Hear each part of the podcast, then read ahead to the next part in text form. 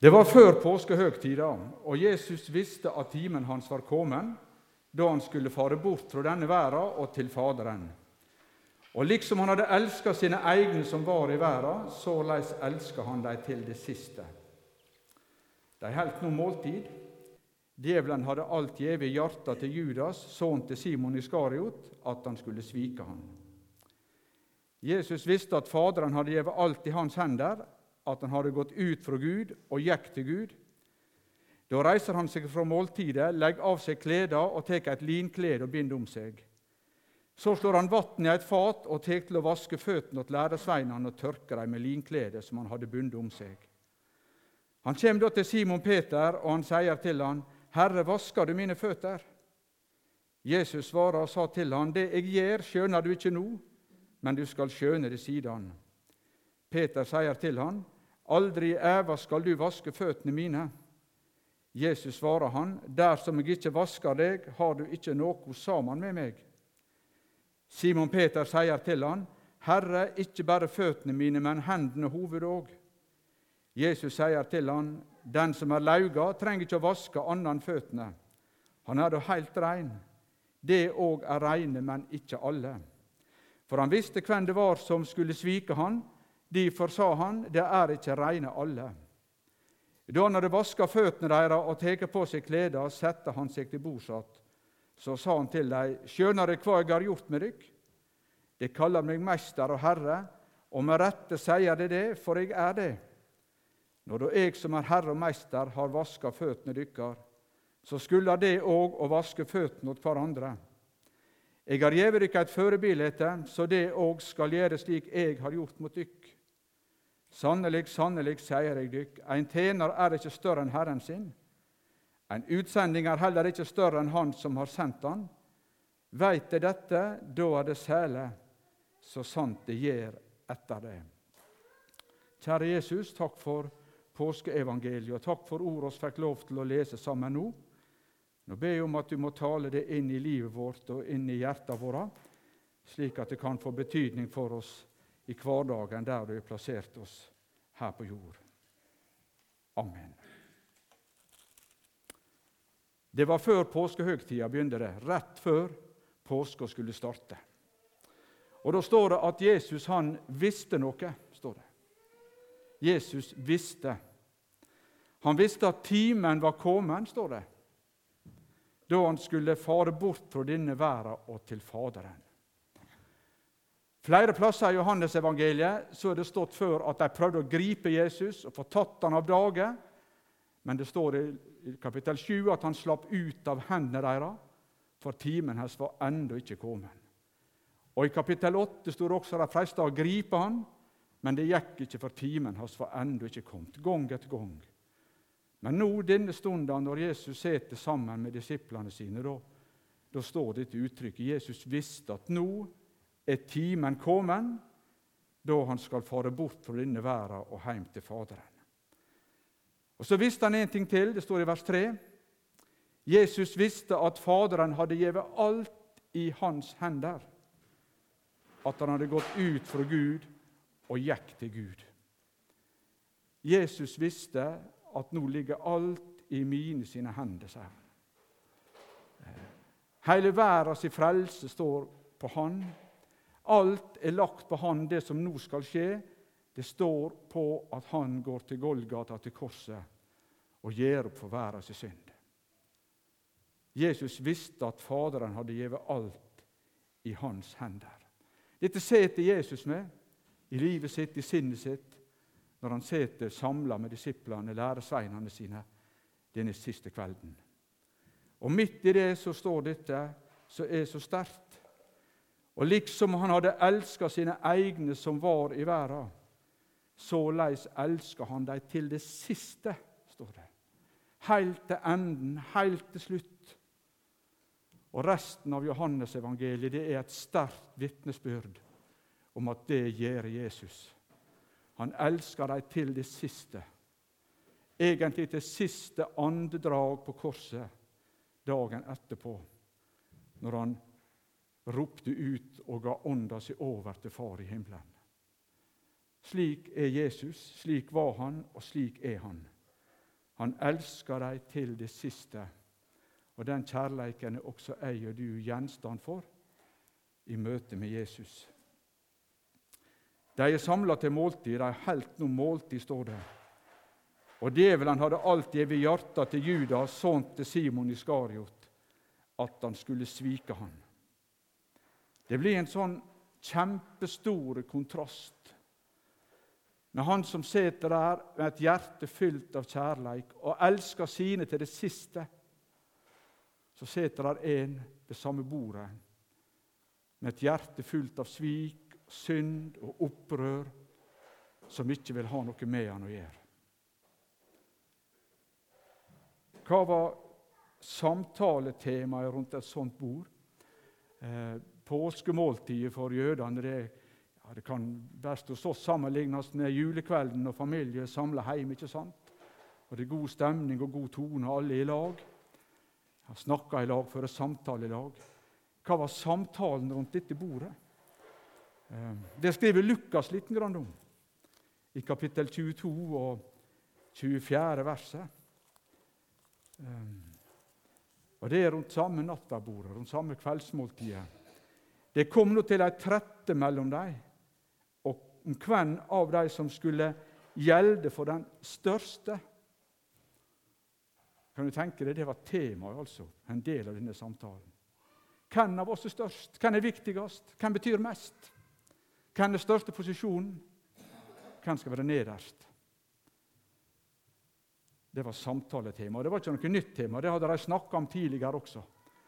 I Kapernaum en gang de kom inn i huset, så spurte Jesus dem hva, hva snakker dere om når dere var på veien. spør han. Nei, Da ble de så stille, for det står at på veien så de snakka om hvem av de som var størst. Det var et tema som dukka opp igjen. Um, hvem er størst? Um, er du opptatt av det i ditt sitt liv? Jeg i mitt? Ja, mer enn oss kanskje tenker over. Nå vil vi kanskje ikke være aller størst, for det bærer ofte litt ansvar og litt sånn problem med seg. Men vi vil iallfall ikke være minst og så helt nederst over den med absolutt ingen posisjon. Vi vil være sånn et godt stykke over midten, de fleste av oss. Og så brukes ofte en del ting for å plassere oss sjøl der. Det kan være kommentarer, ord, innfallsvinkler i samtaler fordekt. Ja, på seg sjøl kjenner jeg kanskje dere også. Det er noe som bor her inne i oss som vil være store, vil være størst. Det var vanlig med fotvask før bordfellesskapet. Støvete veier så det hadde gått svette og skitne. Og Det var det slaven som brukte å gjøre, men her var ikke noen slave. Her var det de tolv og Jesus. Og jeg tenker at Denne samtalen om hvem som var størst, den har nok sannsynligvis dreia seg om hvem er det som skal vaske føttene her før vi kan begynne med noe. Hvem er det som skal vaske skiten av føttene og svetten og ta vaskefatet? Og Det var det ingen som ville gjøre. Det var den nederste som skulle gjøre den som sa nest ved bordet. Og Hvordan satt de rundt dette bordet? Jeg vet ikke om dere har tenkt på det. Og kjenner noe Leonardo da Vinci sitt maleri der alle sitter på baksida og Jesus i midten. Det var nok ikke sånn. De lå til bords som romerne hadde lært dem å gjøre som frie mennesker. Sånn gjorde de det også, på noen som divaner som sto ut fra bordet. Så jeg tenkte litt på hvordan, hvordan satt de rundt dette bordet. Jeg har ikke søkt det helt av mitt eget bryst. Jeg har, jeg, jeg har sett det hos, hos andre. det er ikke helt skråsikkert at det var sånn, da. Men, men, det er mye som tyder på at det var sånn. Hvis de satt rundt et sånt bord som oss bruker når vi har sånn hestesko, så vet vi at Jesus han satt jo selvfølgelig ganske høyt oppe. Så vet vi at Johannes han satt ved høyre side, så han lå lent opp til brystet på Jesus. Og så måtte Jesus kunne klare å rekke biten som han dyppa i skåla. som Han måtte klare å gi den til Judas, og han måtte være helt nær. Og Det blir sagt at en gjest som Jesus, som en verten virkelig ville hedre, han var plassert til venstre, helt øverst ved verten. Så kanskje har Judas sittet der, Jesus der og Johannes der.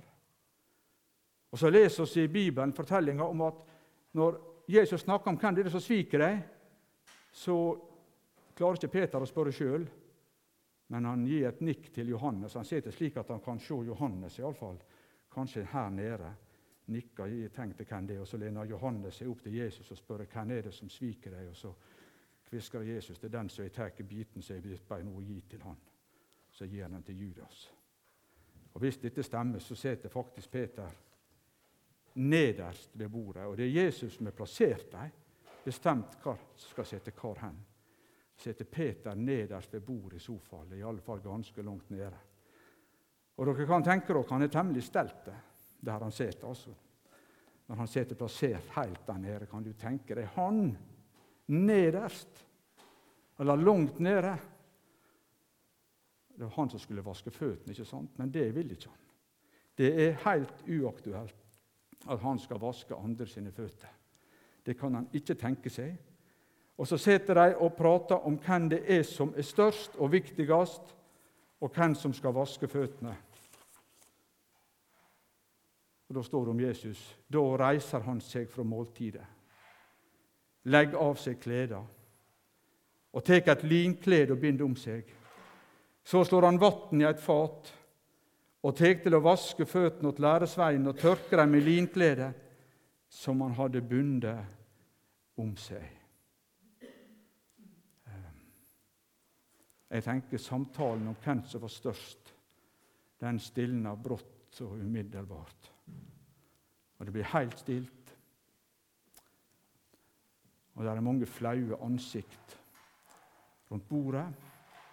Når Jesus, han som er mesteren og Herren deres, legger av seg kjortelen og kommer med håndduken og vatnefatet, så begynner han kanskje øverst hos Judas der.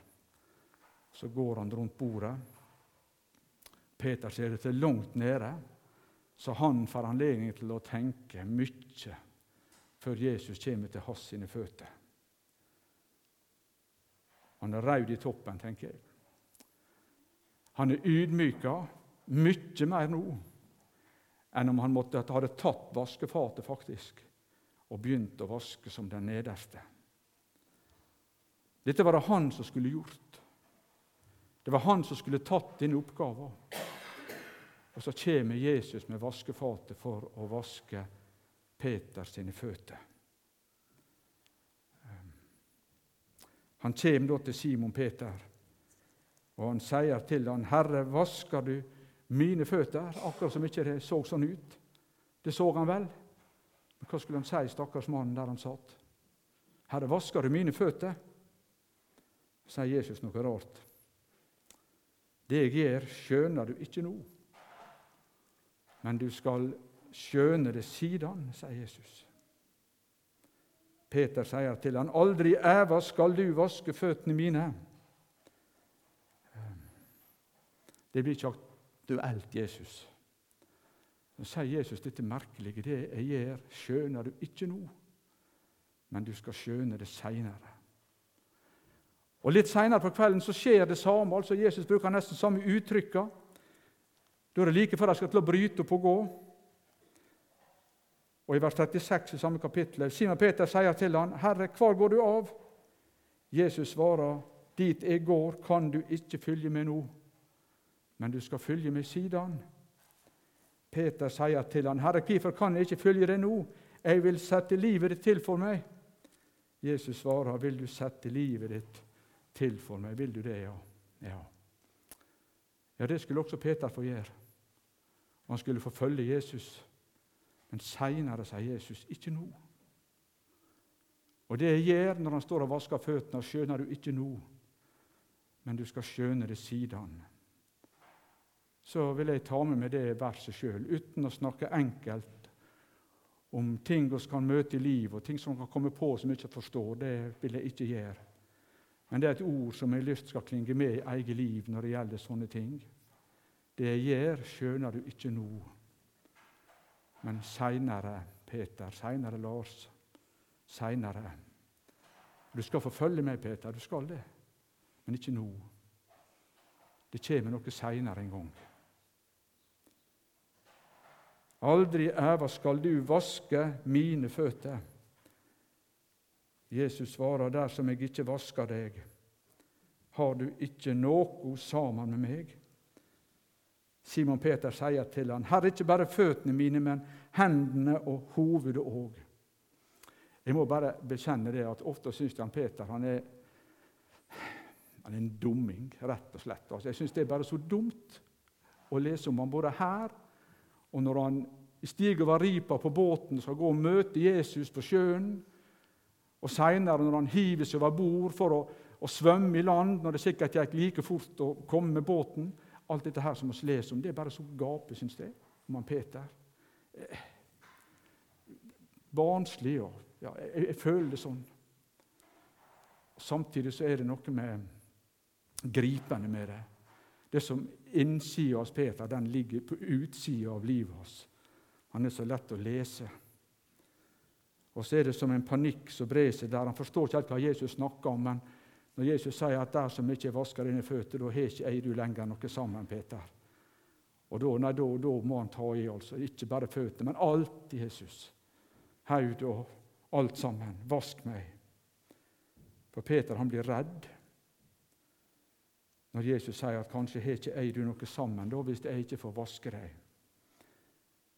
Det er et trekk med han Peter blant mange, det at han kunne stelle seg galt ofte. ofte det vi kan kalle for dumt og banalt. Men han var livredd for å miste Jesus. Innerst inne på hjertebunnen så lå det der også hele påska framover. Han var livredd for å miste Jesus. Og Det kan jo være et spørsmål til hver enkelt av oss. da. Er du det? Er du redd for å miste Jesus? At du og han skal komme på avstand fra hverandre? At han skal bli borte for deg? Eller betyr det liksom ikke noe? Men Jesus må korrigere en gang til. Jesus sier til ham, 'Den som er lauga, trenger ikke å vaske annet enn føttene.' Han er da helt rein det òg er reine, men ikke alle. Hva taler Jesus om her? Jesus han utfører ikke bare ei ytre tjeneste for dem. Ja, han vasker støv av føttene, han gjør det og svetten. Men i dette ordet så ligger det noe mer. Det blir ofte sagt at Jesus bare viser oss hvordan vi skal tjene hverandre, og det gjør han. Men her er mye mer enn det i disse ordene. Og Det ser oss av det han sier, det er reine menn, ikke alle. Og da tenker han på Judas. Han snakker om livet og vandringa vår sammen med han. Og Han tar opp igjen på samme måten i avskjedstalen sin noen minutter seinere denne kvelden, eller kanskje en time eller to i vers 3 i kapittel 15. Der sier han det er alt reine på grunn av det ordet jeg har tala til dere. Dere har hørt et budskap fra meg som gjør at dere hører meg til dere er Guds barn. Så snakker han samtidig om at greinene på vintreet må beskjæres og renses. Og noe må fjernes der for at det skal bære mer frukt. Det er det han taler om her også. Det er alt reine, men ikke alle. Den som har lauga seg, trenger ikke vaske hele kroppen men bare føttene, sa Jesus.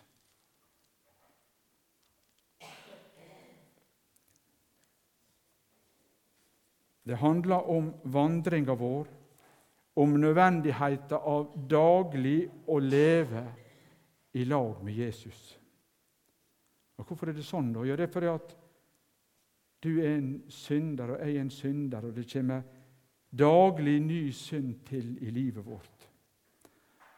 Og Det handler ikke om det at vi hopper ut og inn av nåden hele tida hos Jesus i gudsforholdet vårt når vi forgår oss, men det handler om å leve med et åpent hjerte, et åpent sinn imot Jesus, der han er adgang til livet vårt, og der står lov til å komme med alt til han. For sannheten er at du trenger daglig å la deg tjene av Jesus hver dag. Hvis ikke så mister du fellesskapet med han, slik som Jesus snakka om det med Peter. Da blir kristendommen og trua vår bare en sånn ytre sak uten at det er liv på innsida. Og Det kan ikke sies sterkt nok, det at, for det er sånn at det er livsnødvendig, virkelig livsnødvendig, å leve åpent sammen med Jesus, at det ikke kommer noe imellom blir liggende i veien mellom deg og han. Det handler om å la Jesus få adgang, og ikke prøve å nekte å stoppe han, sånn som Peter på sin banale måte prøvde å gjøre det. Så peker Jesus her på en, på en daglig omvendelse. Hver dag å komme til Han, si nei til synder i gamle livet og ja til Jesus. Eh, en mann som heter Per Nordsletten, han skrev mange sanger. og Han var ganske radikal i uttrykksmåtene sine. da.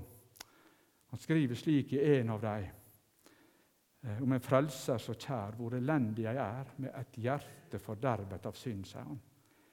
Ifra hode til fot, hjertets innerste rot, kun en eneste masse av synd, sier han. Og Nå var det en subjektiv opplevelse for han, og det er mer å si om et menneske om det som står i denne sangen. Det er det. Men sånn opplevde han det i sitt liv. Sånn var det faktisk. Hva gjør jeg med det?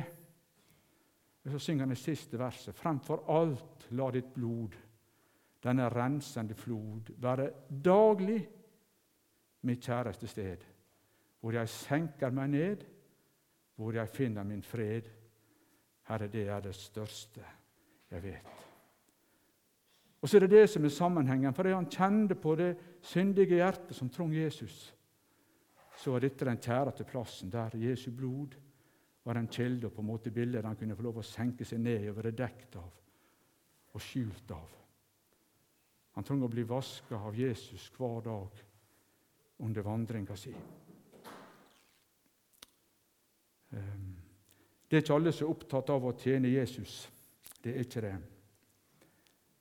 Men noen er det. Jeg håper jeg er det, og du er det. Men får Jesus lov til å tjene deg? Får han lov til å tjene deg? Eller er det en fremmed tanke for deg? For kristen kanskje i mange år, både jeg og du, og så trenger jeg bli tjent av Jesus noe mer nå, da? i bruk for det? Um, Jau, det er nødvendig, for det at kristenliv det er liv og fellesskap med Jesus. Det er et levende forhold. Der vi er i lag. Og ikke noe står i veien og skiller, men der vi er i kontakt med hverandre. Det er et levende fellesskap med Jesus. Jesus vil være frelseren din. Det handler dette om. Og bare den som er blitt vaska av Jesus, kan tjene andre har Jesus fått lov til å vaske dine sine føtter. For han tjener deg med sin nåde og sin tilgivelse. Her er en rekkefølge her som du syns det er selvfølgelig når jeg sier det. At For det første så er Jesus han er frelseren din. Det er nummer én. For det andre så er han eksempelet og han er forbildet. Det er rekkefølge. Men så er det som kanskje er uventa, overraskende med den rekkefølga da Det er ikke slik at du ble frelst en dag og Jesus tok imot deg som sitt barn, og så er det tilbakelagt, så er det eksempel. Men denne rekkefølgen den gjelder hver dag. Den står der planta på en måte, den står der planta i livet vårt hver tid og stund. Han er først frelser, og så eksempel, forbilde. Denne rekkefølgen er avgjørende i hverdagslivet vårt, som vi lever sammen med Jesus og sammen med hverandre som kristne og sammen med de som ikke hører Jesus til.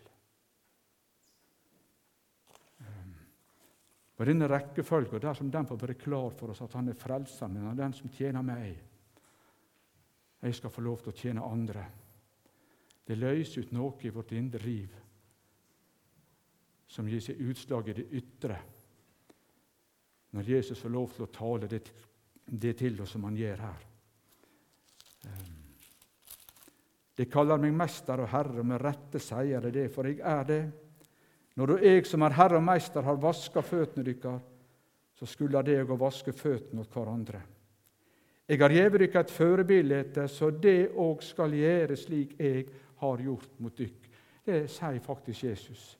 Det er ikke noe som vi kan velge eller eller eh, syndsom som oss vil, men det skal du faktisk gjøre, sier Jesus, som jeg har gjort.